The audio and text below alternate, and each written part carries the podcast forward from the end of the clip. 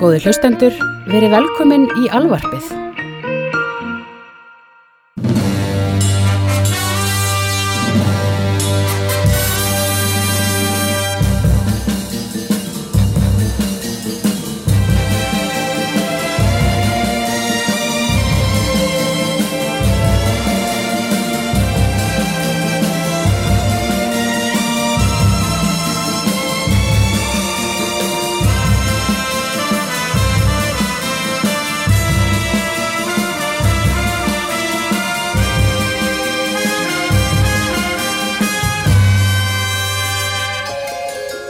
Herðu, þú maður í síðast að þetta þau vorum að tala um Turtles. Ég með rámar eitthvað í það. Og þessi fríki nef sem að Michael Bay er búin að tróða þau. Já, að þá. Sko uh, Peter Laird, co-creatorinn hann er alveg sammála okkur. Já, hann er búin að gefa út einhverju yfirlýsingu að taka þátt í einhverju viðtali þar sem hann er mitt kommentaði á það að þetta væri bara mjög skuggaleg hönnun og passaði ekki alveg við það sem þeir lögðu upp með. Ertu búin að hérna Ertu búin að komast það í hvort að Peter Laird sé teiknarinn eða höfundurinn? Ég held að þeir hafi unnið saman sko. En þeir ekki teiknarinn Kevin, Kevin Eastman er eiginlega held ég oh, dammit, nei ég er ekki búin að komast að því. Já, það skiptir ykkur máli. Fuck it, eins og við sagðum síðast. Já, er, er þú ekki samt með eitthvað svona leiðréttingadæmi aftur? Ég er ekki með leiðrættingadæmi í þessum þætti. Ok. Ok Já, það er að honum, Peter Laird finnst þetta að hérna, stangast á við hitt klassíska útleitu törtlesana það er það, það er alltaf lægi að uppdata karakterina en það þarf alltaf náttúrulega að vera eitthvað sem er svona standard, eitthvað sem að helst eitthvað svona hvað getur maður sagt, burðarbiti. Mm. og hérna og nefið í Turtles er pínu nöðsilegt til að halda þessu kunnulega að, þér líði eins og sérst að horfa á Turtles mynd í þessu tilfelli. Já, ekki satt? Jú. Þannig að uh, þetta klassíska útlit skjálpagnana mm. er ekki í nýju skjálpökumyndinni Nei, og þar að leiðandi mun þessi mynd floppa jafnvel, ekki ganga upp erum við að spá ykkur svo leis Já, ég veit mun þetta Ég veit ekki hvort að það býði flopp sko, ég meina þú veist, þetta verður markasættin sem motherfucker sko. Já, uh, Michael Bay er alveg duglegur í að selja stöfið sitt sko. Heldur að munur gaggrinundur gefa þessari mynd verri dóma vegna þess að nefin eru svona slæm? Nei, ég held að það tröfli ekki plott eða, eða karaktera eða eitthvað svo leis Þetta verður bara svona óþægilegt og creepy. Já, en ef þú ert að gaggrina mynd þar sem að alpersonin eru skjálpökur sem kunna ninja bröð en beita þeim ekki rétt vegna þess að þeir eru ekki þöglir heldur hrópa, ká og banga og I want pizza og ég veit ekki hvað og hvað. Á, á, uh, á hvaða tímapunkti bara er suspension of disbelief? Já, Ég, um, ég man eftir að ég kom einhvern tíma úr bíó já. af End of Days og hérna sem sagt sta- sil- hérna, þar sem að hann er eitthvað að berjast við djöfulin mm og hérna árið 1999 Já. sem var sko öfugt 6661 og þess vegna byrti djöfullin þá. Hvað ég er að ganga út úr bíó og það eru einhverjum tveir gaurar að spjalla sem sagt, sem voru sömu mynd. Já, og þeir voru svo hnyggslaðar á því að uh, Arnold Schwarzenegger hefði flett upp einhverju á internetinu bara Christ in New York, Christina York. Ah, this is, a, this is the place. Það var það sem að trubla og ekki það að Satan hafi komið upp úr kirkjugólfi í Brooklyn. Sko ég fór á þessa myndin líka í bíó og það hlóu allir í salnum yfir einu mómenti. Ok, það er þegar sko karakter Svartsenegers er að minnast uh, látinnar held í dóttur sinnar eitthvað áleika og heldur á svona snowglobi sem er sko eitthvað sem var eitthvað sem hún átti og hann fyrir að gráta hann, fer- hann, a- a- Arnór Svartsenegger reynir að nálgast þannig hérna, grátleik sigur sem allir leikar reyna að nálgast einhverjum uh, hluta af þeirra ferli var, einhverjum tímapunkti. Og hann reyndi það í þessari mynd. Var þetta samfærandi grátur? Nei. Allavega, það, Sko, ég, kannski var hann samfærandi hann var bara ekki samfærandi vegna þess að það var Arnór Svarsnækir var þetta laugrátur eða svona, það var svona, svona, þetta var svona grettu grátur sko, Já. og með svona ykkur svona sko. Og, og það er mjög erfitt að hafa það eftir sko, ma, ma, þú veist, eins og flestir það var eina sem ég get haft eftir honum uh, svarsnækari uh, og þannig að það var ekki svona Það var ekki svona- sem hefði náttúrulega verið ennþá fyndnara. Já. en þannig sko að þetta gefur í rauninni skinn bæði þetta og, og með skjálpökurnar er það að það er sumt sem að ákveðin ákveðin, svona, ákveðin íkon er ekki reyna. Svartsneggar á ekki að reyna að gráta og, og skjálpökurnar eiga ekki að reyna að uh, vera með nef. að vera með nef. Og talandi um svona klassist útlit sem hefur ekki verið breytt lengi vel þá var hérna, þá var uh, Výrdal Jankovík að klippa á sér hárið. Nei Výrdal Jankovík var að taka af sér hálgrislun hann tók að sér yfirvaraskeggi fyrir löngu. Já, Þú mér sér- fannst það svolítið creepy. Það Mér var fannst pínu svolítið creepy, off. hann byrtist þarna í uh, Timon Erik þáttunum bara með hárið en ekki með yfirvaraskeggi. Og vissir ekki hvað átt að halda því fannst það eitthvað að vera að alheiminum þú sást hann. Já, en á sama tíma þá dáist ég að því vegna þess að ég, ég er með ákveðna reglu, svona lífsreglu um það að maður eigi ekki að treysta fólki sem að skiptir ekki um hárgræðslu já, og þú veist, við erum, með- þú, við, við erum með dæmi í mannkjörsögunum, fólk sem skiptir aldrei um hárgræðslu sem að þú, sem að þú augljóslega treystir ekki eins og til dæmis Hitler, alltaf með sömu hárgræðsluna Jón Ásgeir og Július Kemp. Við erum hefnendurnir hérna er Hulkleikur og Ævormann uh, hvað er að gerast? Hvað er að gerast? Býtu, býtu, býtu Ég man ekki eftir að þú hafir skipt um hárgreðslu allan þann tíma sem ég þekkti Ég er alltaf að skipta um hárgræðslu Ég er annarkvort með mjög mikið svona mikla krullur Þú meinar að þú eða með því að smá krullur efst. Eða ekki? Já, og ég hef líka verið með slöngulokka Ég hef verið látið hárið með vaksa alveg þannig að nær niður sko á mitt baki á mér nánast. Og þá hérna, verður svona slétt efst og breytist svona í svona slöngulokka og ég líti út þessu sko vampíra úr hérna interview with the vampire nema aðeins nördalegri. Hvítu góður með dredd eitthvað neginn Nei, nei, nei, nei, við skulum ekki ganga svo langt vegna þess að við vitum að báðir að sko, það, er, það eru nokkur level af bara slæmu í heiminum sko. það er mannsal það eru þjóðarmorð og svo eru hvítu gaur með þetta og ég er ekki hvítu gaur með þetta Ok Ef að fara í hvað er að gerast núna? Já, hvað er að gerast núna? Uh, hvað er að gerast?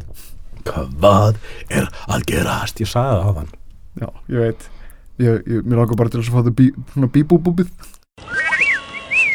Hvað er að gerast?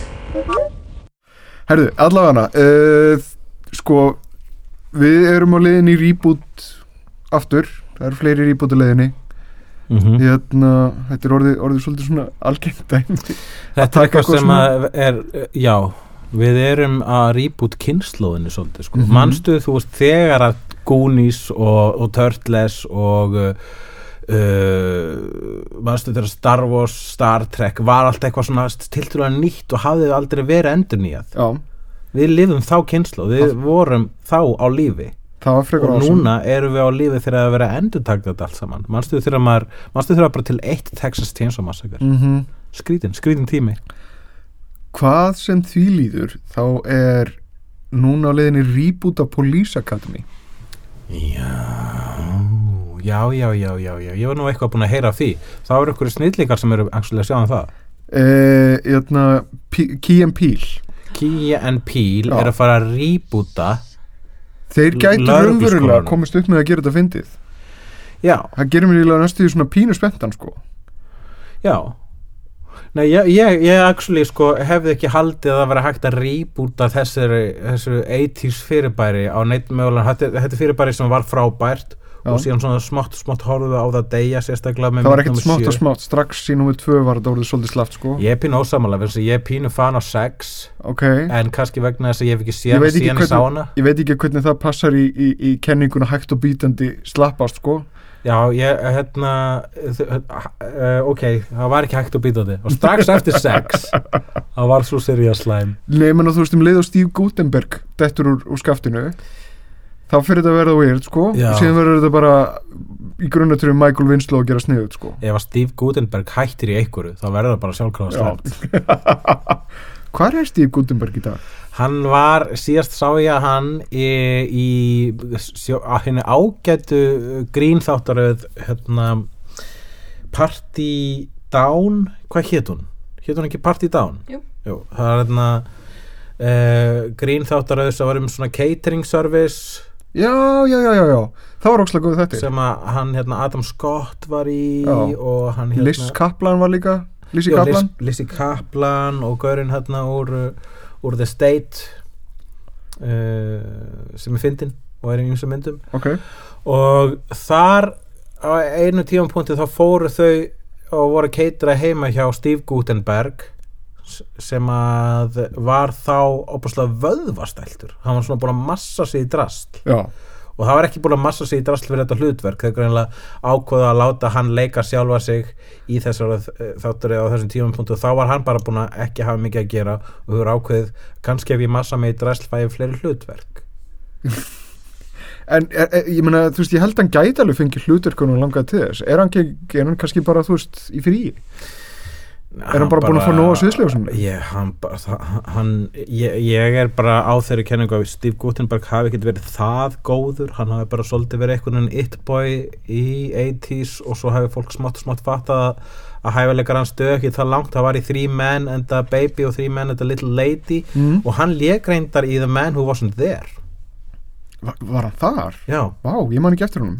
Nei vegna svo þú ert að hugsa um The Man Who Wasn't There eftir Coen bræður. Já, ég, er að tala um mynd sem ég fann í kólaportun eitthvað tíman sem heitir The Man Who Wasn't There sem er einhver mynd sem engin mann eftir sem er sko ósynnilega maðurinn og er sko grín ósynnilega maðurinn löngu áður en hérna Memoirs of an Invisible Man með Chevy Chase eftir John Carpenter kom. Já, og þá var, voru tækniböllur ennþá verið heldur en í þeirri mynd meina og það er til, það er til mynd svona grín ósynnilega maðurinn mynd með Steve Gutenberg Hvað er þetta gömur mynd? 80 og eitthvað eða? Hún er uh, 80 og eitthvað vissulega en það, hún- er það, eftir það, það, það þrengir ekki hringin hvað var á Gutenberg myndir Er hún eftir a Baby? Ég held hún sé jafnvel á undan hún er alveg fárálega slæm sko. og, og í þessari mynd sko, ég veit ekki, ég held að þú getur sannað þessum góður leikari ef þú stendur vel í slæm, slæmri mynd. Já, en hann stóð sig ekki vel hann ha- gat ekkit gert úr þessum hræðilegu línum sem hann fekk sko ok, ég er að fletta honum upp hérna upp á grínið. Já, sko það sem er kannski hægt að minnast er Police Academy. Hann var alveg í fjórum Police Academy myndum. Mm alltaf í sífælt minkandi hluturki kom, já, þá kom annar gaur svona annar venjulegur svona straight guy í 50 og 70 já, síðan var hann í einna mínu, minni uppáhaldsmyndum það er Short Circuit. Ég elskaði þá mynd. Já, það, það talandi um hérna, hérna Yellowface já, það er Indian Face. Já, Fisher Stevens, hvítuleikari mála sér brúnan og leikur indverðar Mhm. í mynd nummer 1 og mynd nummer 2 Hello, how's it going?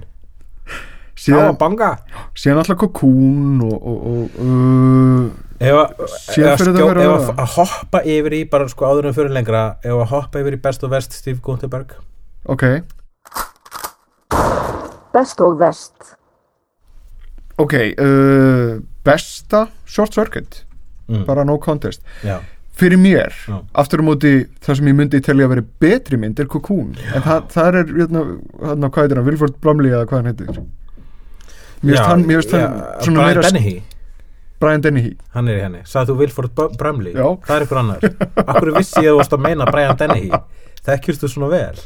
Nei, Wilford Bromley er í henni. Já, hver er það? það er gaurinn hérna sem að var með kringlóttu solglirun og, og ótrúlega snirtilega yfirvæðskekkið Já, það er allt annað gauður svona kúlulega, já, ég Já. var að meina hann. En Brian Dennehy er líka í henni. Já, Allavega ég var búin að gleyma Brian Dennehy var í Ég held sko að persónulega sé Cocoon meira lupadas hjá mér mm? uh, upp á það að ég það, svo, svo geimverumyndir uh, svona, svo, já, 80s geimverumyndir Mm? sem er basically nota teknubellunar þókuvél og ljós já, það er höfða einhvern veginn til mín það er hérna ná í eitthvað svona grípa fast um nostalgíu í hjarta mitt. Já, þess vegna set ég hana efst sem besta, besta Gutenberg myndin versta, allir ég set ekki þá mynd sem ég var að ræða The Man Who Wasn't There. Já þú, þú sást hana, ég hef aldrei séð hana. Nei, nei, en ég, ég á hugsalega er hún eitthvað í kassa í geimslu á Vaffos það sem er, hérna, eða þá eitthvað hjá mér í minni geimslu Ég held að uh, sko versta, það er mjög erfitt að velja verstu. Hérna, en það var direct to video útgáfa af Kasper The Spirited Beginning. Ég, ég hef ekki séð þessa mynd hann leki í henni, ég hef ekki séð þessa mynd. Ha, ég ætla bara að skjóta það að þetta sé versta myndin. Ertu að tala um þá Kasper þá með Casper the Friendly Ghost. Leiknamyndin með Kristján Ritchie. Nei, þetta er, þetta er annað, þetta er a Spirited Beginning þetta er prequel spin-off. Þú getur svolítið ekki mynd Ég sem bara heldur sem lélegust Ég þú hefur ekki séð. Nei, þá segir a Little Lady. Hún var, var alveg hræðilega leiðileg Fannst þér hún verri heldur en Men and the Baby? já, mér fannst eitthvað eitthva sérmennandi við a Baby. Sem Tom Selleck og Ted Danson og, og Steve Gutenberg saman einhvern veginn í Já, ólík a Little Lady svo var einhvern veginn Ted Darson, Ski- Steve Gutenberg og, og Tom Selleck saman einhvern veginn í, í, í ég reyna að endurskapa einhverju töfrar sem að voru til staðar en, en nei, það var eitthvað off En Little Lady var með þá allavega svona breska faktorin þannig að þeir voru ekki bara gaurar sem voru að sjá um lítið bad heldur líka gaurar sem voru í Breitlandi bandarækjumenn í Breitlandi Uh, og þar var líka þessi að dásalegu klísjur um það hvernig bandarækjumenn halda Breitland sé það er sér svona sveitavegir sem alltaf fullir af kindum. Og svo svona I say já, boarding school. Já. I love it. Ok. Have some spotted dick. Komið alltaf sábrandari um að breyta að borða svo hérna slæman mat. Já. basically sami matur að Íslandika borða já, en það er náttúrulega fleiri búin að smakka breska matagerð hún er legendary slæm við erum konum á þeim tíma. rosalega langt út fyrir efni hvers vegna byrjuðu að tala um Stíf Gutenberg út af því að Police Academy er á leiðinni í endur já, akkurat, Key Talan- and And Peele, já, það er reynda fleiri endurgerður á leiðinni uh, eða viltu halda áfram í and Peele? Já við, við getum alltaf útskýrt fyrir þeim hérna jarðabúum Já. sem er orðið ákveðið. Uh, það var ákveðið með einu atkvæði gegn engu.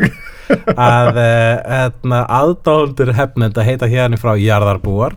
Við þökkum Bobby okkar Breiðholt fyrir það. Já, uh, ég dætti Takk, við getum kallað. Kaftein Breiðholt. Það verður hans hefnendanafn. Já. Kaftein Breiðholt, það er svolítið flott mm, mm, Kaftein Breiðholt, hann hérna hann ákvað það fyrir okkur að við munum að, að þið ágættur hlustendur verða ekki kallaðir hefnelskundur heldur jarðarbúar.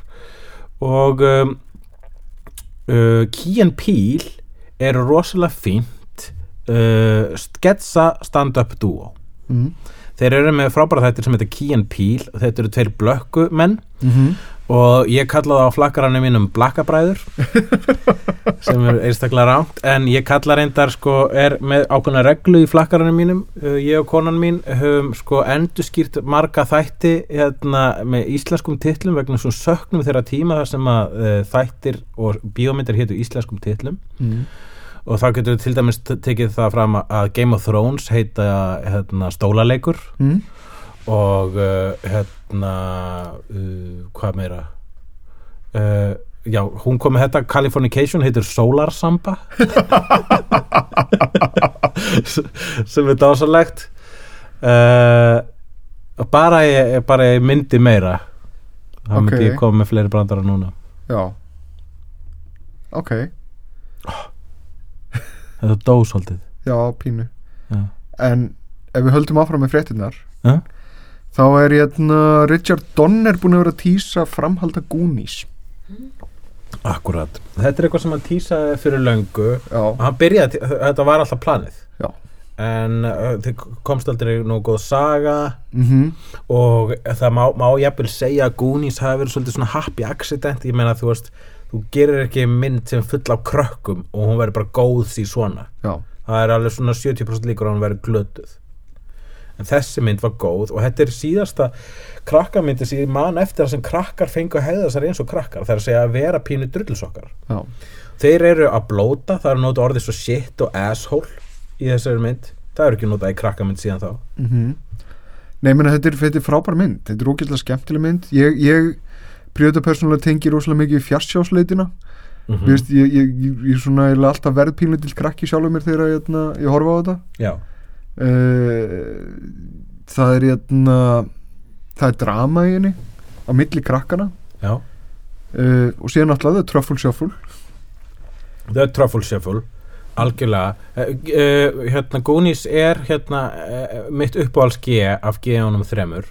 Er það? já, Gremlins, Goonies og Ghostbusters. Þá held ég að setja Goonies efst. Við þurfum að taka eitthvað tíman málefni dagsins GN3 Já, ég veit mér sem tækifæri þegar við getum tekið það fram vegna þess að ég er að plana smá sem GN3 event á samt öðrum aðlum ah, ok, En talandi um Truffle Shuffle. Já, talandi hérna um að tísa talandi um að tísa Truffle Shuffle, Já.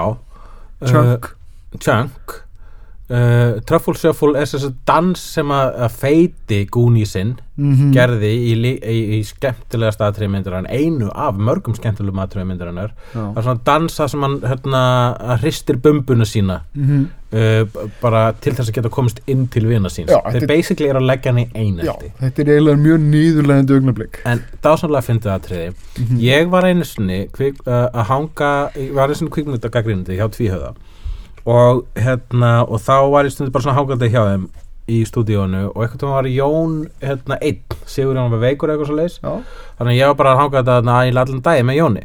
Og hann er að gera svona símat hann ringir til Hollywood ringir á Random Hotel í Hollywood ok, og er að blara við uh, dömuna í, andirinu já.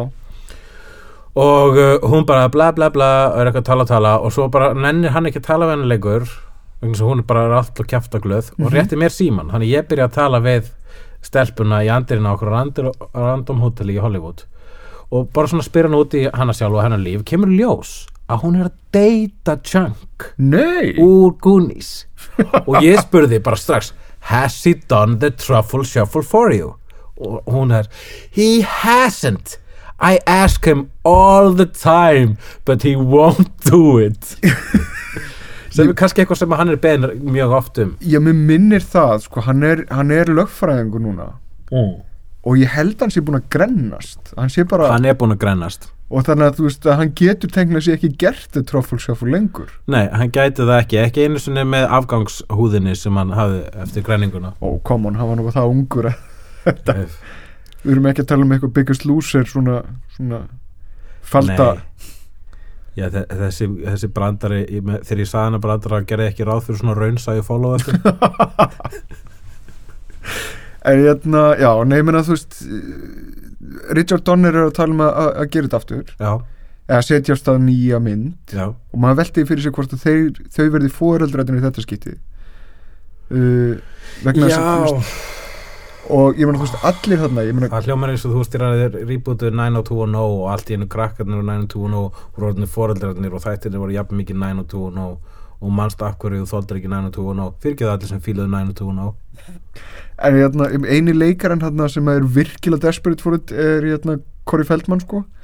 Já, uh, hann er sá sem saknar fræðarinnar. já, Corey Feldman Silver Surfer gerir upp svipi hér. Hva, hvað, er Hafið það þið séð tónlistamindböndin Jú. sem hann er að gera? Við höfum, einmitt, við skulum bara tala um það. Já, ég hef ekki séð þessi tónlistamindbönd hefur ekki orðið vittnuna hnignun Corey Feldmans? Nei, ég hef reynd að By forðast að fylgjast með þig hann talaði fyrir einn törlesin það er rétt, leiðrætting leiðrætting hann talaði fyrir einn törlesin já, akkur kom það ekki fram með Internet Movie Database? Ég veit það ekki, ég var að fletta þessu upp þar Mm. og ég held að þetta hafi verið að þeir skráðu fyrst sem sagt leikarna sem að voru í búningunum. Já, og þeir skiptu drottinu eftir á eins og þeir eru að gera akkurat núna. Já, þeir eru David Prousa Já. David Prousa Turtles all over again. Þannig að hann hefur verið einhvers staðar neðar á listanum en já, please senda okkur skilabóðið föttuð þetta David Prowse reference en já, Corey Feldman mm, hann sem sagt hérna var, hann hefur, var mjög lengi uppáldi hjá mér, alveg eftir á meira að löngu eftir hann var hasminn ah, vegna þess að hann er rosalega fyndin í öllum þessum myndum Driver's License, Lost Boys, Goonies og, þetta er, og hann var hérna í Burbs. Burbs já, dásalegu leikari hann er með, eitthvað, hann, er, hann er sko svona represent drive, svona license to ákveðna- drive mittur já, fyrir ekki hann representar ákveða svona ákveðna fíguru hann varð einhvern veginn embodyaði ákveðna 80s fíguru hann var svona don't give a fuck úlingur þess tíma.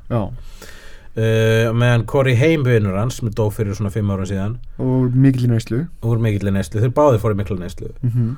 uh, og meðan Corey Haim representaði meira svona heilbriðu típuna og var oftast aðalgaurinn á meðan hérna, Corey Feldman var svona skítu og soðulegi vinnurinn já, uh, Corey Feldman ég held alltaf að hann væri cool.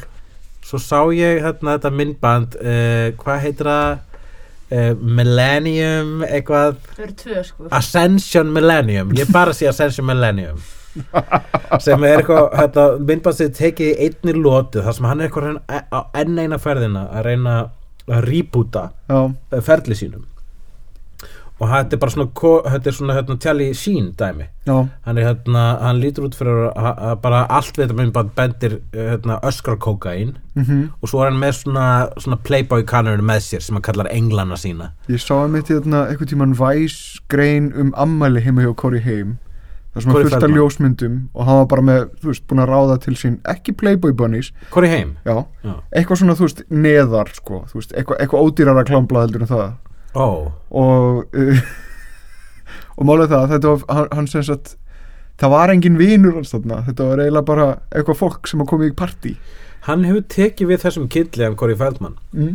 vegna þess að Corey Feldman Nei, Corey Feld, ég var að tala um Corey Þú varst að Feldman. ka- tala um Já. Feldman Ok, Sæði Corey Haim? eða? já og ég spurði þið tvisar og þú sagði já. Þetta er nefnilega klúðri akkur vingastu við gauður sem er sama fornafn og þú uh, kannski bara kannski verður einmann að það heitir Corey og reynir að finna aðra Corey kannski það, kannski Corey ákveðin bara svona dýrategund. Heldur hann hafi reynt að, að vingastu Korki? Já, þau, eru allavega e- e- einum sérhljóða frá því. Og, og, og einum litningi líka. Baram bam baram bam. Allavega, Corey Feldman hann er byrjaður síðast er ég vissi, ég veit ekki hvort hann er ennþá að þessu hann byrjar að halda svona partí sem þú borgar þig inn á Já, sem er örugglega svipað á þetta ammæli sem þú tala um. Og þetta eru svona kynlífsorgju kókainpartí þú borgar svona 140 dólar til að komast inn í þetta og þá fara að hanga með svona playboy kanninum og klámyndadrottningum og svo svona VIP herbyggi og VVIP herbyggi og uh, stendur við fyrir vagina þá eða? Líklega sko, þetta er allavega hljómar eins og dúsíastu hlutur í heimi og það bara googlast og finnur nánari lýsingur á þessu hann allavega var örugglega mjög mikið til í að leika í Goonies uh, uh, framhaldinu. Sástu eitthvað tíman Lost Boys 2? ég horfði hálfa Lost Boys 2 Já, og ég man eftir að það var þarna reality TV þátturinn þarna þar sem að Corey-arnir tveir voru eitthvað að reyna að, taka sér saman í andlitinu. Corey Feldman var komin á, á, á, beinubröndina ég man eftir þessu atrið þegar það var í The Two Corys mm og þá var eitt svona heartbreaking atriði þegar þeir eru upp þú veist, þeir vita báðir eru haspin en þeir eru með fucking raunveruleika þátt. Og Corey Feldman kemur til Corey heim og segir þeir ætla að gera þeir ætla að gera Lost Boys 2 og Corey heim bara, í alvöru? Já, og þeir buðu mér hlutverk í henni en þeir ætla ekki að bjóða þér hlutverk í henni. Og þá, fer Corey heim að gráta bókstallega að háskæla með ekkasógum ef hann rétt uh, fyrir framann. Corey Feldman og Cor- Corey, já, miklu meira samfærandi heldur en Schwarzenegger. Og, og Corey Feldman huggar hann bara it doesn't matter, fuck them, fuck them segir hann, fuck them all. Og meðan er sko Corey Feldman samt að þykja hlutverkið í Lost Boys 2 sem bæði glötu mynd, glötu mynd og það er til líka Lost Boys 3 ég, ég held að, ég veit ekki hvort að Feldman sé henni en Mm. obviously ekki heim. Því að hann er farin heim. Já Æ, elsku kallarnir Þið voru einu svona svo cool. Ég tók próf á netunum daginn um hvaða gúni ég væri. Já, á BuzzFeed. Ég er data sem er gaurinn sem ég vildi alltaf vera þegar ég var lítið til að horfa á þetta bara. Mhm. pant vera data já, sem er asísku gaurinn sem er svona með græju fíkn short round. Short round. Já, já, saman líka short round í, í Indiana Jones 2 sem er tæknilega Indiana Jones 1 ef við telur á chronologically. En Þetta er nördakrukka það er ekki til nörd að krúka uh, og hérna já, en ég vildi eiginlega vera viðkjanna þegar ég tók prófið þá vildi ég eiginlega vera Mouth sem er sagt Corey Feldman karakterinn. Já, svo hann er mest cool karakterinn í myndinni. Já. Já. Sko, að ég veit ekki, ég einhvern veginn tengi tilfinningarlega mestu Sjón Astin karakterin já það, Já, þannig að þú myndir vilja vera hann? Ég er bara miklu meira pathos Nei, bara, nei, ég er að tala um, ég að tala um bara svona tilfinningarlega Ég er, ég er að tala um, ég væri þessi gaur frekar. Já, en hver viltu vera? Data. Ég hérna er í- með hér fyrir fram að mig viðtal úr uh, Empire sem var tekið á hérna, fyrir örfáum árum að hérna, á svona Goonies Reunion. Ok, og þá eru þau spurð hérna hvað? Það er ram ég með þetta hérna uh, nanna nanna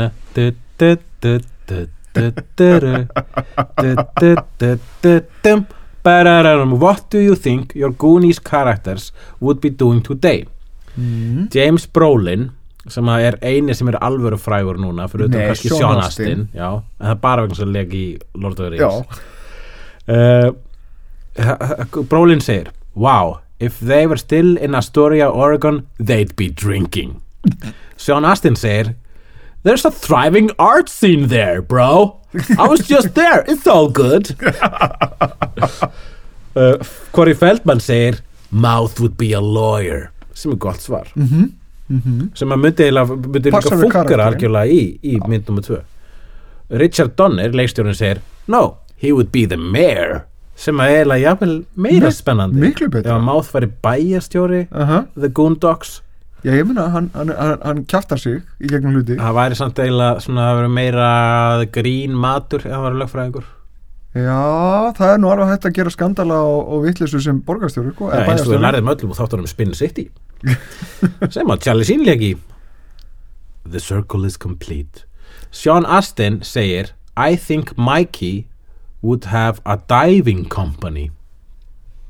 Vá, hvað þetta er dölsvar Já, þess að Mikey karakter sem hann leg sem er streitgörinn í þessum, þessari mynd. Og þá kannski, með, það gæti, nei, þetta gæti kannski verið áhugavert fyrir hans karakter vegna þess að hann er, að það þýðir að hann er að sko, er ennþá að lifa drauminn, hann er ennþá að leita fjársöðu Hann veit hvar gullið er. Það er samt gífulega boring svar. Ná, nei, mér finnst þetta orðið spennandi svar núna. Það er bara eins og þú ert Mikey Quan sem er Data mm. Sem er núna eitthvað svona martial arts Svona koreografur Vá, hann lifur upp í stereotypuna. Mm. uh, Data. Hann segir Data would still be living with his parents spending all his time in the basement trying to get his gadgets to work. Það er líka svolítið heitlandi ef Já, hann myndum að tvöða þá væri hann ennþá bara svona þá væri hann bara svona fertugur lúði fóröldurum hans og fóröldurum hans. Please move out, move out I tell you. No buffet for you. Ég veit ekki af hverju ég vitnaði í, jú ég skal segja hvað sem ég vitnaði þannig klassíska brandar eftir John Pinette. John Pinette leikarinn sem að gerði sér frægan en að stand-upin sem gerði sér frægan með brandaranum. No buffet for you. Eða show me the buffet. Hann dó í vikunni. Já, ok. Uh, þetta var einn af þessum stand-up grínustum sem var með offutu vandamál Já, hann dó í vikunni ásamt uh, Yellowfacein okkar Mickey Rooney. Mickey Rooney og Tigristýrið sem beit andlitið að annarkort Sigfríd eða Roy hann dó líka í Var vikunni. Það líka. Æi. Það er með eh, dánafregnum og jarðafjörnum lokið og við höldum áfram með Goonies-viðtalið. Martha Plimpton Já, sem lék hérna stelpunum að glerugun ég, ég man eftir henni en ég man ekki hvað karakterinn heitir. Ég, ég man það ekki heldur hún, hún segir að Steff já hún heitir Steff obviously. Hún segir að Steff would have a babysitting company sem er mjög, mjög, mjög Mm. boring svar. Og Green sem að leik Andy, gelluna Já, hún segir Andy would still be in her miniskirt with a cigarette and a martini waiting for him in að svega gestures at Brolin to come home. Þannig að hún vil gefa það í skinn að, uh, að hún og, og karakternas Brolin séu Já. gift. En það voru kærastu par í myndinni nema hún gefur líka í skinn að það er mjög óhæmikið hérna, hjónaband. Gæti, gæti hún samt líka verið að gefa í skinn og hún sé bara föst í fortíðinni og meðan Josh Brolin hafi farið bara á úr bænum og, og, og, og meikað. Á hvort veginn kannski er hún að gefa það í skinn kannski er hún bitur. Það er mjög, það er mjög dark sko þú veist Josh Brolin fór á úr, úr, úr Goonies heiminum og, og, og, og meikaði það. Já, ekki, ekki og ekki er hún að meika það mikið. Mm, Já, en er hvað, hvað heitir hún leikannan? Eftirnafn hennar er Green. Ok, Já, ég er ekki með allt hérna fyrir fram mig. Já, En hvað sem því líður þá held ég að meira og minna að hafa, hafa leikar tekist að pitcha ágætis framhaldið þarna. Já.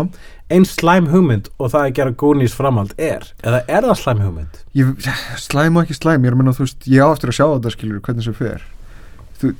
Take my money sko veist þetta er, þetta er ég, ég bara forvitnin einn rekum mig á, á þessar fjörur. Ég þarf að sjá þetta. Jú, vissulega, Þa, þarna frekar hann í önnu skipti sko. það er eitt þegar það kemur mynd 5 áram á seint eða 10 áram á seint. Mm -hmm. Hversu seint var hérna Indiana Jones framhaldið, nummer fjögur? já, það, sko ok uh, Þa, það var 25 áram á seint 30 áram á nei, nei, seint. nei, hvena kom hvena kom hérna 93 Hún kom svona 86-7 hérna Last Crusade já, Laskusutir, nei. Er, er það svo snemma? Nei, hún kom, nei, hún kom svona 89 89, já, það er Já. fyrir sennilega. Og hérna og svo, svo hinn myndir kom 20 ára síðar 20 ár, já, þetta er aðeins lengra. Það er oflangt já, þetta er aðeins lengra. Og þau- líka krakkarnir eru búin að ganga í gegnum sko, þetta er, það eru börn þarna núna eru öll miðaldra. Já uh, en það er líka það nefnilega, þetta voru barnaleikarar en þetta er ekki, við erum ekki að díla við eitthvað kriplandi elli og vera styrð í hreyfingum eins og eins og, eins og Harrison Ford. Nei, nei, nei, vissulega ekki. En þetta er líka, þetta er, það sem þetta er kannski, kannski undir niðri kannski einstinni vill ég ekki viðkenna að Goonies 2 sé slæm hugmynd. Mm. uh, vi, uh, vill ég ekki viðkenna þessu góð hugmynd vegna þess að það er áminning um hvað við erum átni gamlir er það? já, ok. Er ekki samt alltaf alveg í lægi að að eldast og þroskast? Ég meina það er eins og það sé eitthvað vandamál. Ég vil lifa eilifu uh, og ég veit að það hljómar brjála, hérna, brjálæðislega mm? uh, en ég, mér, mér finnst svo leiðilt að við séum að missa af því sem gerist þú veist í tækni framförum bara næstu 100 árin, næstu 200 árin.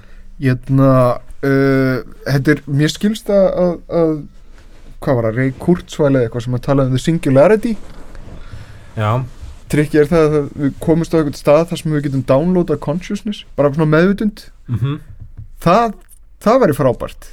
Þegar að þú veist, þú deyrð að þá ertu bara, þá ertu bara upplótaður inn á eitthvað eitthva, eitthva vefsvæði og getur haldið áfram að upplifa hluti. Ég eftir að kynna með Kurtzmann en ég hef mjög, mikið heyrt um þetta Singularity uh, upp á skrýnastu minn TJ Miller, hann tala reglulega um þetta uh, þannig að það er með þess að koma mynd sem að, að tala pínu um þetta Singularity sem er þetta myndi með Johnny Depp sem heitir Transcendence. Já, og jú, vissulega það var það frábært ef að uh, við getum reddað okkur þannig frá hérna uh, takmörkun lífs okkar. Uh, fer, hérna, þetta takmarka svæði sem við höfum á, á fyrirbærinu sem við kallum tíma við getum einhvern veginn bröðust við því með því að bara einfallega downloada okkur inn í einhverja nýja eilífð, einhverja hliðar eilífð. Þá er það ágætt. ég var alveg í stuði fyrir það að þú veist að downloada allir í mannlegri þekkingu inn á eitthvað harddrif uh, setja mína meðutund á, á annan harðadisk þannig að ég geti svona accessa settir, settir í eitthvað svona kókdóllu og síðan skotið út í game. Við erum, hefnendur við erum að tala um Goonies 2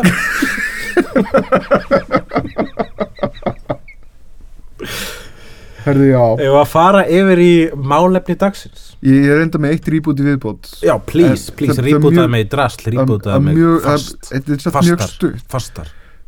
Þú, hérna, Battlestar Galactica það er, að gera Baltasar Galactica eins og ég kalla Baltasar Hvort finnst þið betra að kalla Baltasar Galactica eða Baltasar Kormákur? Mér finnst Baltasar Galactica betra. Kæru jarðabúar þið fá að kjósa núna á milli Baltasar Galactica eða Baltasar Kormákur Þeir eru allan að fara að gera svona bíómynd Ég veit ekki hvort þetta verður algjört straight reboot frá sjónvarsdáttunum eftir Ronald D. Moore sem voru rebootaði frá uppröðunlegu sjónvarsdáttunum á 8. áratugnum Já, um, Ég eila veit voðalega lítið um þetta Horfðu þú eitthvað tíma Baltastar? Ég náði upp í hálfa þriðju serju og svo bara var allt í núslega mikið þetta er eitt af þessum hérna, hérna glápum mínum sem eðurlegust vegna það var mikið að gera. Ég, hérna, ég held samt að það var hægt akkur á dreftum tíma vegna þess að þetta verður svolítið, þetta var eitt besta sjónvar sem þú getur fundið. Dásamlegt, Fyrstu, dásamlegt. sko, næst míniserían besta, næst besta uh, sci-fi síðustu áratöga byrjunar míniserían svona prí-míniserían og fyrstu tvö sísun eru bara með besta sjónvarspil sem gert hefur verið. Það er bara Já, alveg frábært sko. og síðan verður þetta svona Destiny trúarrugl sem bara skemmir þetta sko. Og það er bara, já, ekki gott sko.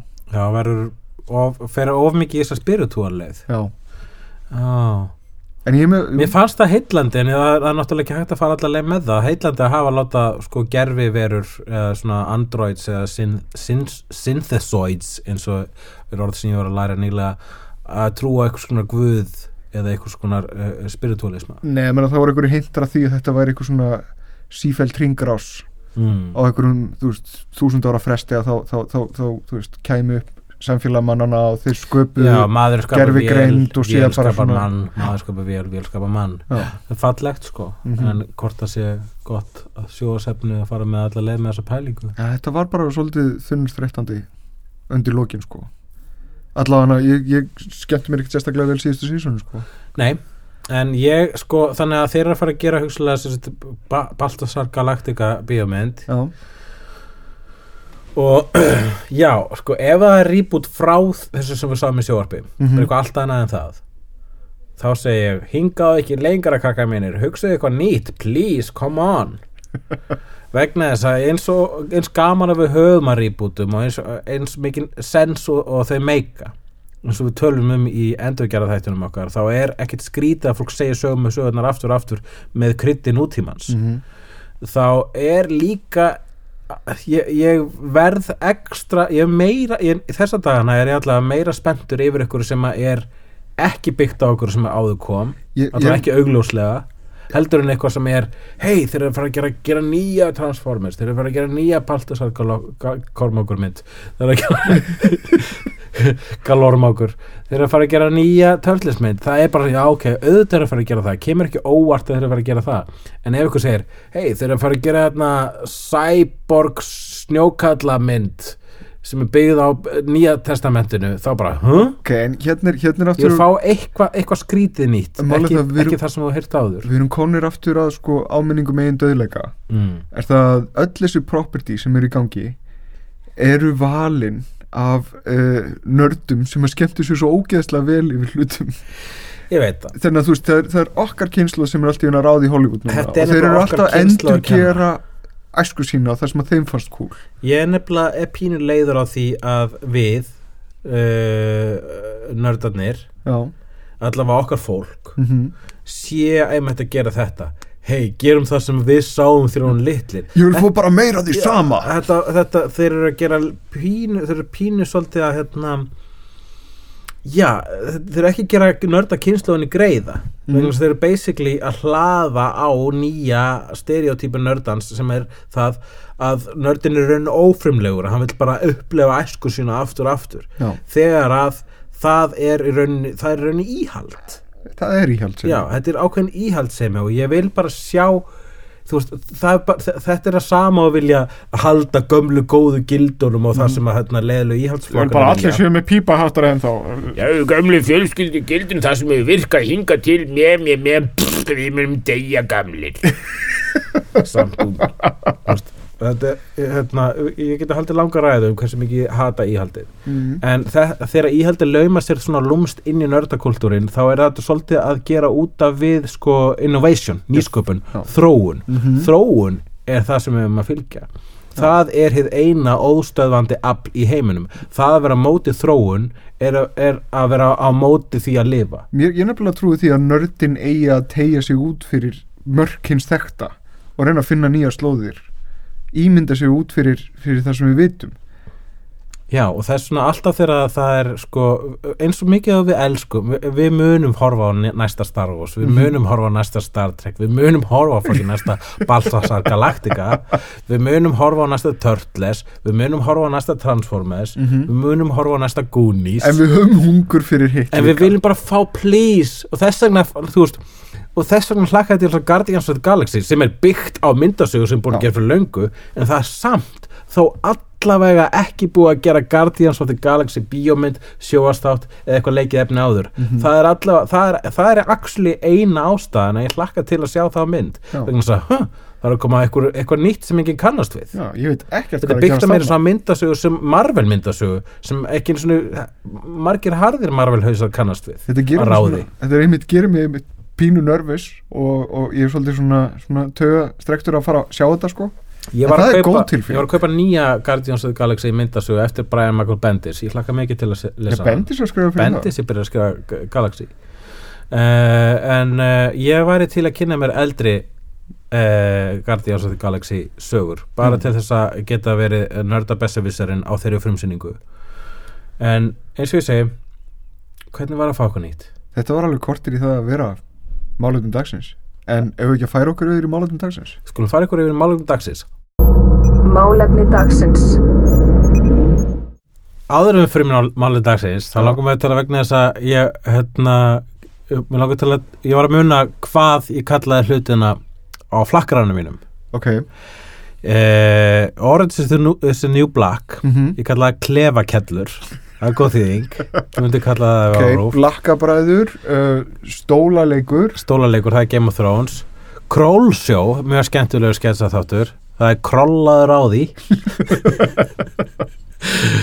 uh, Agents of S.H.I.E.L.D. ég kalla það Skjaldborgin Mm. Skjaldborgina Skjaldborgin. Það er enda mjög góður titill. Já, er það ekki? Jú. Skjaldborgin. Þetta er ekki pólitískur þáttur.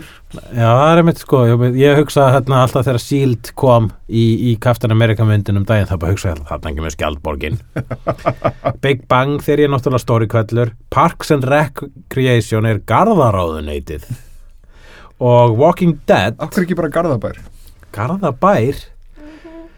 Oh, það er of gott ég fekk svona svona, svona gasm þarna. Uh, uh, Walking Dead kalla ég gangnár. Mér Mm. langar að kalla afturgöngur. Afturgöngur, já, já, Ég, Mér finnst það fallera já, ga- málið er að gangnár er eitthvað sem var til á einhverju Facebook spjalli, kannski var það til fyrir. Minn er að- mjög skemmtileg stelpa sem þetta Tina Kristjáns kom með þetta. Á að tala um gangnár og sprettnár ég var að tala um gangandi zombíur og, og, og, og, hérna, og hlaupandi zombíur. Mm -hmm. og hún kom með gangnár og sprettnár. Veit er, ekki hvort það sé frá henni komið eða úr ykkur akademiski grein en þetta er æðislega íslenska. Þetta er mjög góð íslenska. En hvað er málefni dagsins?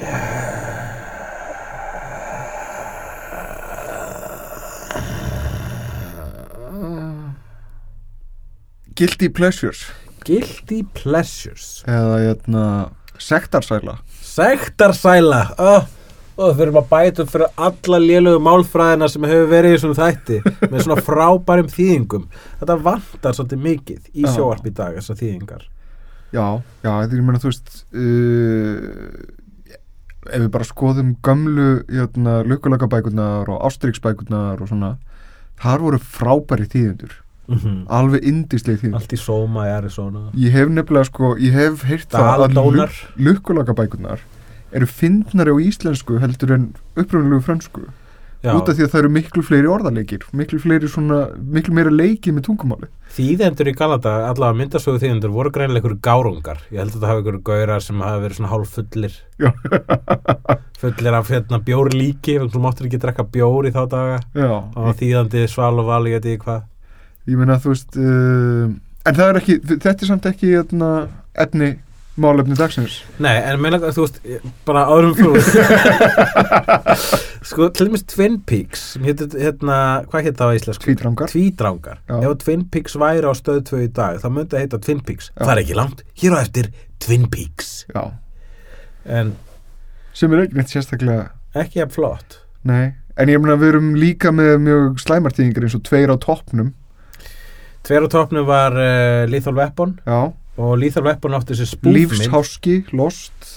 Já, lífsáski, það fannst mér ekki góð þýðing. En það var ekki, það var alveg fín þýðing það var ekki sérstaklega svona sneddi Já, ég er bara mann hérna að, að Lethal að Weapon er- tæpasta vaði, die hard. Að Lethal Weapon tveir hérna á topnum sem er mjög sérstök þýðing mm á Lethal Weapon. Two on the top. Two on the Top. Þegar, þá kom spúfmynd af Lethal Weapon sem hétt uh, Loaded Weapon mm. á íslensku hétt hún Tveir yktir og var þá að höfða til, var að höfða til unga fólksins Já. sem í þá daga sæði orðið svo Ykt Já. En málefni dagsins uh, Takk fyrir að skipta með umræðefni Sælusegt Sælusegt Átt þú þér sælusegt? Já og nei, ég meni ég hef alveg haft uh, sælusegt Ég hérna Þú hefur skammast þín fyrir eitthvað svona fíla. Alveg, alveg tímalust mörgum ég sinnum sko. já, já.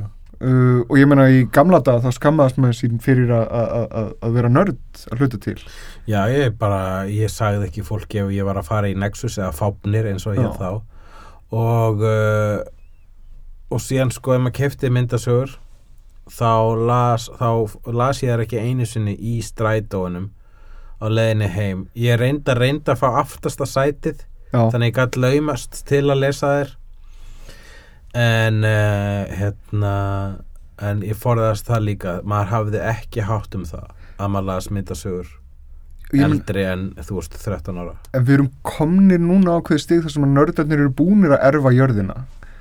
Sko ekki ganga svo langt. Ha, jú, come on. Ég vona bara ekki vegna sem að nördarnir eru búin að erfa jörðina þá, þá, er, ekki, þá, er, þá er það að vera nörd orðið einhvern veginn þá er það ekki leikur nördalegt.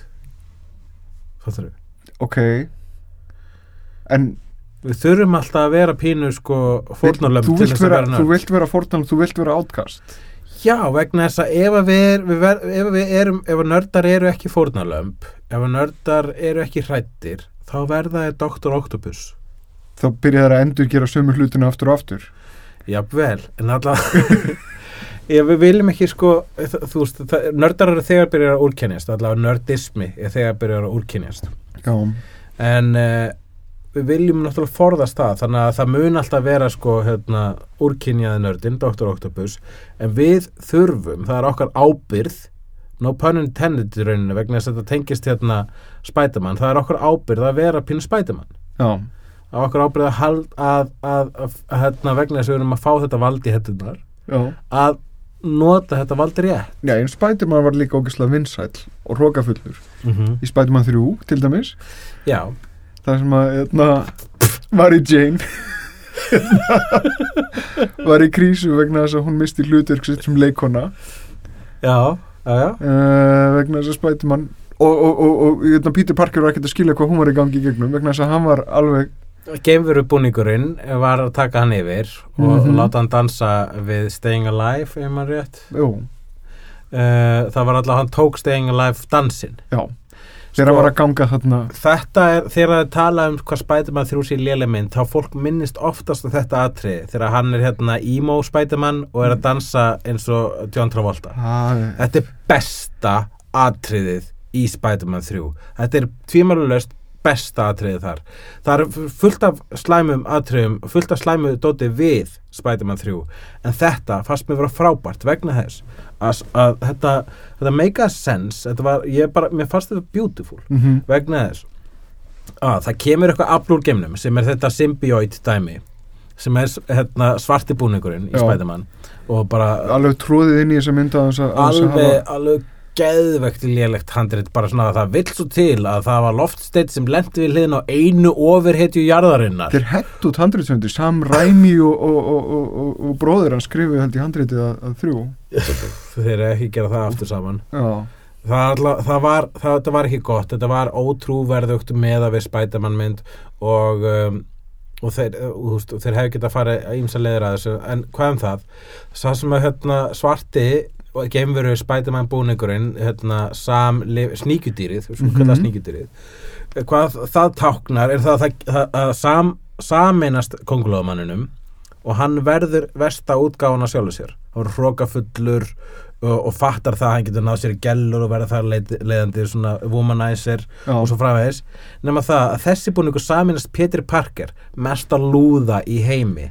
Og það, hvað hva gerir Peter Parker þegar hann verður hérna, töff Emo. hann verður emo með eyeliner og dansar sem John Travolta og það var beautiful. Já, vegna þess að Peter Parker veit ekki hvað er að cool en þetta er næsta sem hann giskar á að vera cool. Þetta var eitthvað svona það var svona pínu fallmynd af því þegar nörd reynir allt í henni að vera cool og það verður astnalegt og fólk fannst, þetta er úrslega astnalegt og ég hugsa, þetta á að vera En astnalegt byrjuðu samt var hann alveg að- að að hlaðin lofi frá öllum í kringum sig, sko. Það, fólk, var að, fólk var að kveika að þetta að vera cool.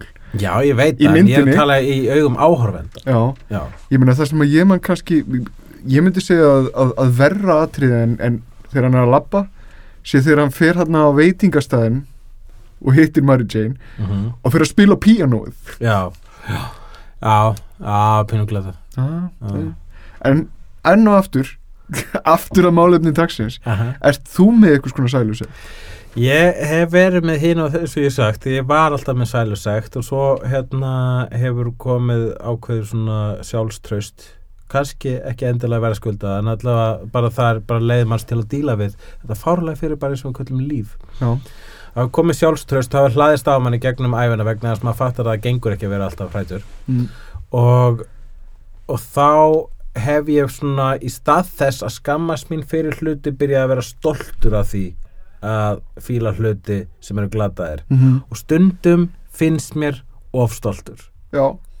Vegna þess að stundum er maður bara þetta er eins og að snoppa niður fyrir sig sko. Er, er, er maður þá þetta í að, að fíla eitthvað ironically? Já, stundum, finnst, Dettur einlægnin úr því? stundum í, í þessu ferli þá er ég ekki svona viss hvort að ég fíla eitthvað vegna þess að ég fíla það eða bara fíla eitthvað vegna þess að haha ég fíla þetta. Deal with it heimur Já, já Sko ok, ég meina ef að ég myndi telja sælusekt hjá mér sko, þá væri það hlutir eins og hérna, ég elska Murder She Wrote Já, bara Jessica Fletcher hún bara er ógeðslega cool. Og þú getur elska það í dag og þá er það bara næstu þá er það bara bara retro eitthvað. Ne, ne, Já, bara nett hipsterlegt. Er já. Já.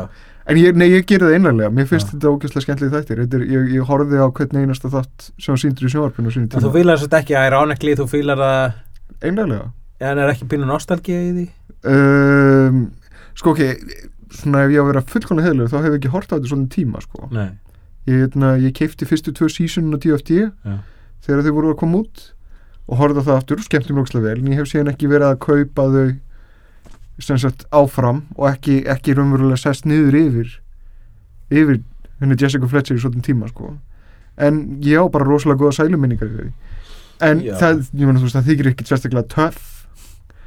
Ég meina ég veit ekki hvort, að, hvort að það sé eitthvað gilt í við það. Ég man allavega sko þegar að uh, Vertigo sem er svona ákveðin deild innan DC Comics sem er með það sem að myndi kalla Alternative Comics Mm. indie, indie-leg comics ég man þegar það kom þá var allt í, allt í lægi að viðkenna maður las myndasögur svo lengi sem það var Sandman eða Hellblazer eða, eða, eða Preacher mm -hmm.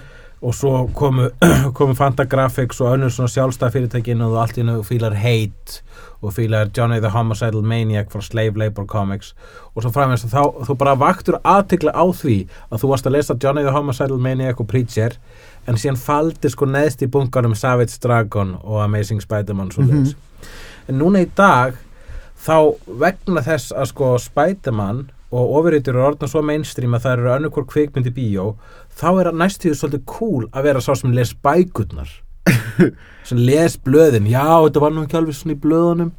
Og þess vegna er, er, er það sem að einu sinni var guilty pleasure er orðið að einhverju svona uh, næstu bara þú veist, þú veist allt í hennar ertu orðin gaurinn sem las bókin En ég ég var aldrei gaurinn sem las ég bókin nefnilega velti fyrir mér út frá þessum fórsendum hvort það sé hægt að hafa guilty pleasure í dag. Vegna þess að við höfum interneti við höfum aðgang á öðru fólki sem hefur sömu áhugamál. Þannig að það er hægt að sagt, passa eitthvað styrring þú ert ekki lokaður inn í einhverju mengi þar sem þú hefur engan annan til að deila þín ánægi með. Þú getur alltaf leitað út fyrir mengið og fundið eitthvað eða, fólk sem deilir þessar ástriðin Þetta er mjög aðtökulisverður punktur þannig að þú ert að reyna að segja að þú veist að upplýsingaöldin er búin að gera það að verkum að, þú þarft ekki að þetta hafa er sektakendur orðið svo afstætt í rauninni að það er ekki neitt leik, er ekki neitt sem er asnalett lengur. Nei, er, er, er það og þannig að í frábært rauninni hipstara krukkan orðin úrelt og þess vegna eru ekki búin að skella neinum myndakalli í hérna þessu rætti Já, en þetta er, mér finnst þetta nefnilega sko, ég skammast mín teknilega að segja ok, ekki að segja, ég bara skammast mín ekkert fyrir neitt að því sem ég hef áhuga á. Ég svona bara næ, vildi að næstu ósk, óskaðis í bara þáu þáttarins að ég skammaðis mín fyrir eitthvað er ekkert sem ég skammast mér fyrir. Ef, ef þú nennir, ef, ég meina þú veist, þú hefur aðgengja því, það miklu að þú nennir ekki ekkur þá bara einfallega nennir því ekki og, og, og, og, þér ekkur öðru. Já, En Já. ef þú nennir ykkur og þykir væntu það skilur, þá er, ertu nokkur tíman að standa frammi fyrir ykkurum hópa fólki og, og, og, og, og skammast þín fyrir að viðkynna fíla það. Nei, ég, ég, ég hef ekki staðið sjálfum að því lengi, lengi. Það ein, reyndar þá er sko, hérna, þú veist, uh, ef það voru eftirpartí heima á mér eða bara partí, uh, þá hérna, má ég setja hundra kall heimstökur núna? Já, Já, ég skal gera það. meika ekki, ekki neitt sens en ef það voru partíum að mér og ég var með sko, þá sett ég hérna sett ég uh, iPodu minn Mm. á sjöfúl og sett tengd á hátalarana. Ég vissi Þú alltaf ert reynda með eitt guilty pleasure, það er er college með- rock. Ég er með eitt eða tvö guilty pleasure lög sem ég skammast mér fyrir vegna þess að ég er að djama með eh, til dæmis henni Sillu hérna sem er mjög cool tónlistamæður og Gunnar Tínes og Snorra Helga og fullt af svona flottu fólki. Herru ég verð ekki þetta aftur og hérna og Settu annan, settu annan. Nei, nei, nei, nei, eitt fyrir hvert nafn sko. Come on, give me, give me a break hérna. Name dropping. Ég, ég er sko, ég, við fórum með ómarga hundra kalla ypsturkrukkuna í síðasta þætti Já. sem er annað umræðefni þannig ég sleppi því að gera í þetta skiptið. En það sem ég var að vera reyna að segja er það að vegna þess að ég veit að þeim verandi hæfileika reikt tónlistafólk í Mhm. mínu húsi þá þegar ég set sjöfúl á iPodu minn þá verði ég alltaf frættu þegar ekki með nýtt lag um að komi eitt af þessum lögum þessum örfálögum á iPodunum mínum sem ég actually skammast mín að hlusta á í nærveru þeirra. Það er til dæmis lagið Thunderbirds Are Go með hljómsveitinu Busted. Þetta er ekki bara háskólarokk heldur svona Disney háskólarokk Mhm.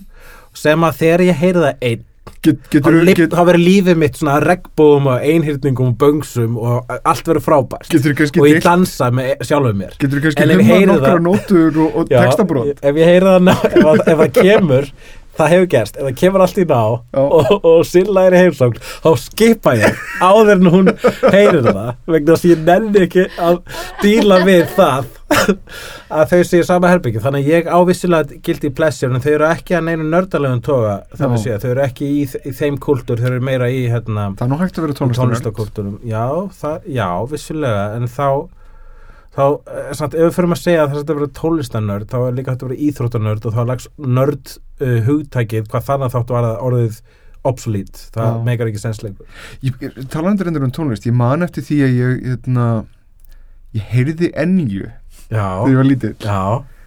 Og ég fíla það svo rosalega Ó, það er mikið. svo dásaleg og síðan var það bara allt í hennu viðtekin venja að ennja að væri ógæslega hallar já, veistu hvað gerðist hjá mér? Hvað? ég heyrði, fekk hjá hérna, ennjudisk lánaðin hjá Ástísi frængu minni og ég fór með hann heim til mér og hlustaði og var þá bara allt í okkur bláu skíi Mm öll, öll ennileg hljóma og blá algjörlega og, og kannski svona, svona höfrungar gerðir úr stjörnum. Og hérna ég hlusta á þetta í tætlur og svo var ég eitthvað tímann again, hangandi hjá tvíhöfða í þætturum hans.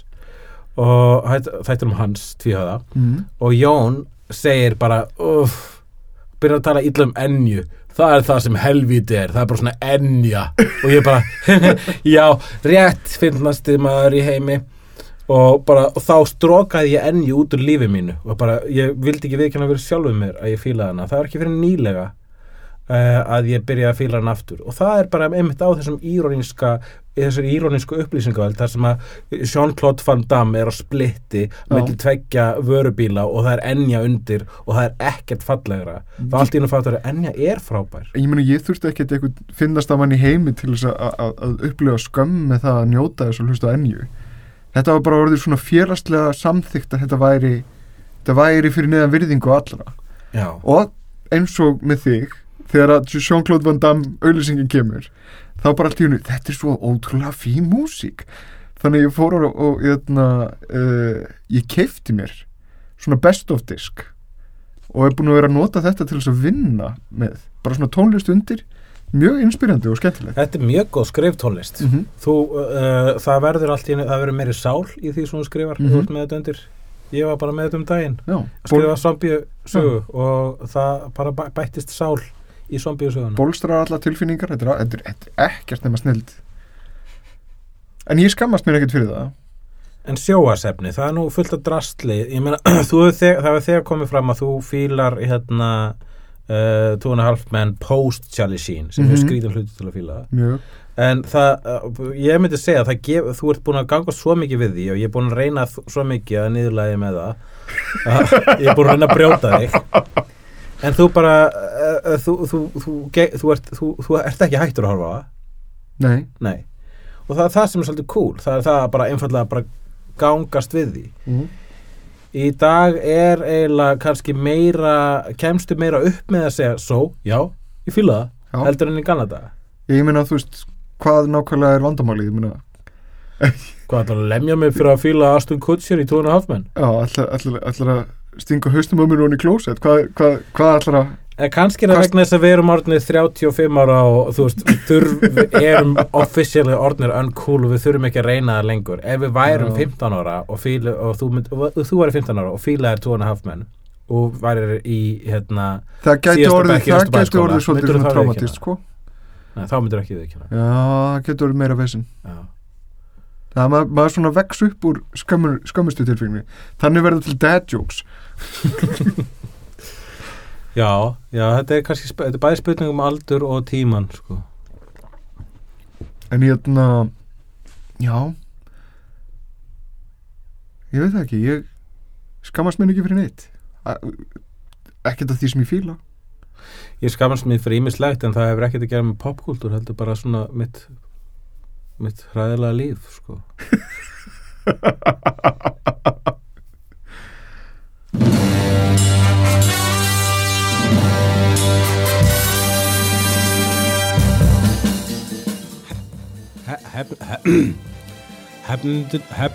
Hefnundurnir voru Jóhann Ævar Grímsson og Hugleikur Dagsson.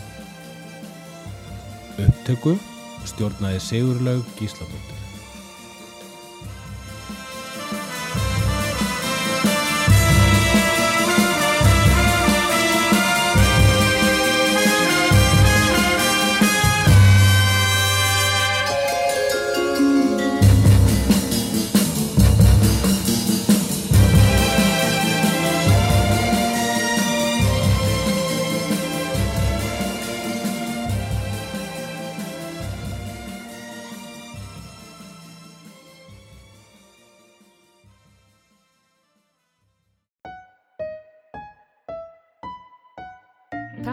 Að hlusta.